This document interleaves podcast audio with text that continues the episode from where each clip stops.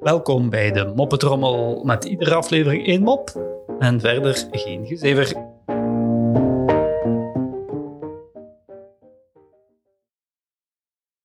Een vrouw zegt tegen haar man dat een borstvergroting wil. Sorry hoor, antwoordt de man, maar zo'n dure ingreep kunnen wij echt niet betalen. De vrouw wandelt teleurgesteld weg, waarop de man haar terugroept. Schat, als je wil heb ik wel een alternatief. Ah, vraagt de vrouw verbaasd en hoopvol. En wat is dat alternatief dan? Wel, zegt de man, je neemt elke dag een stuk wc-papier en je wrijft ermee tussen je borsten.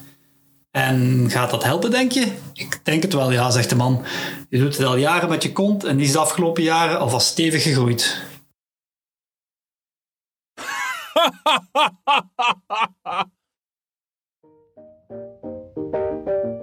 Zo, dat was de moppetrommel voor vandaag. En tot morgen.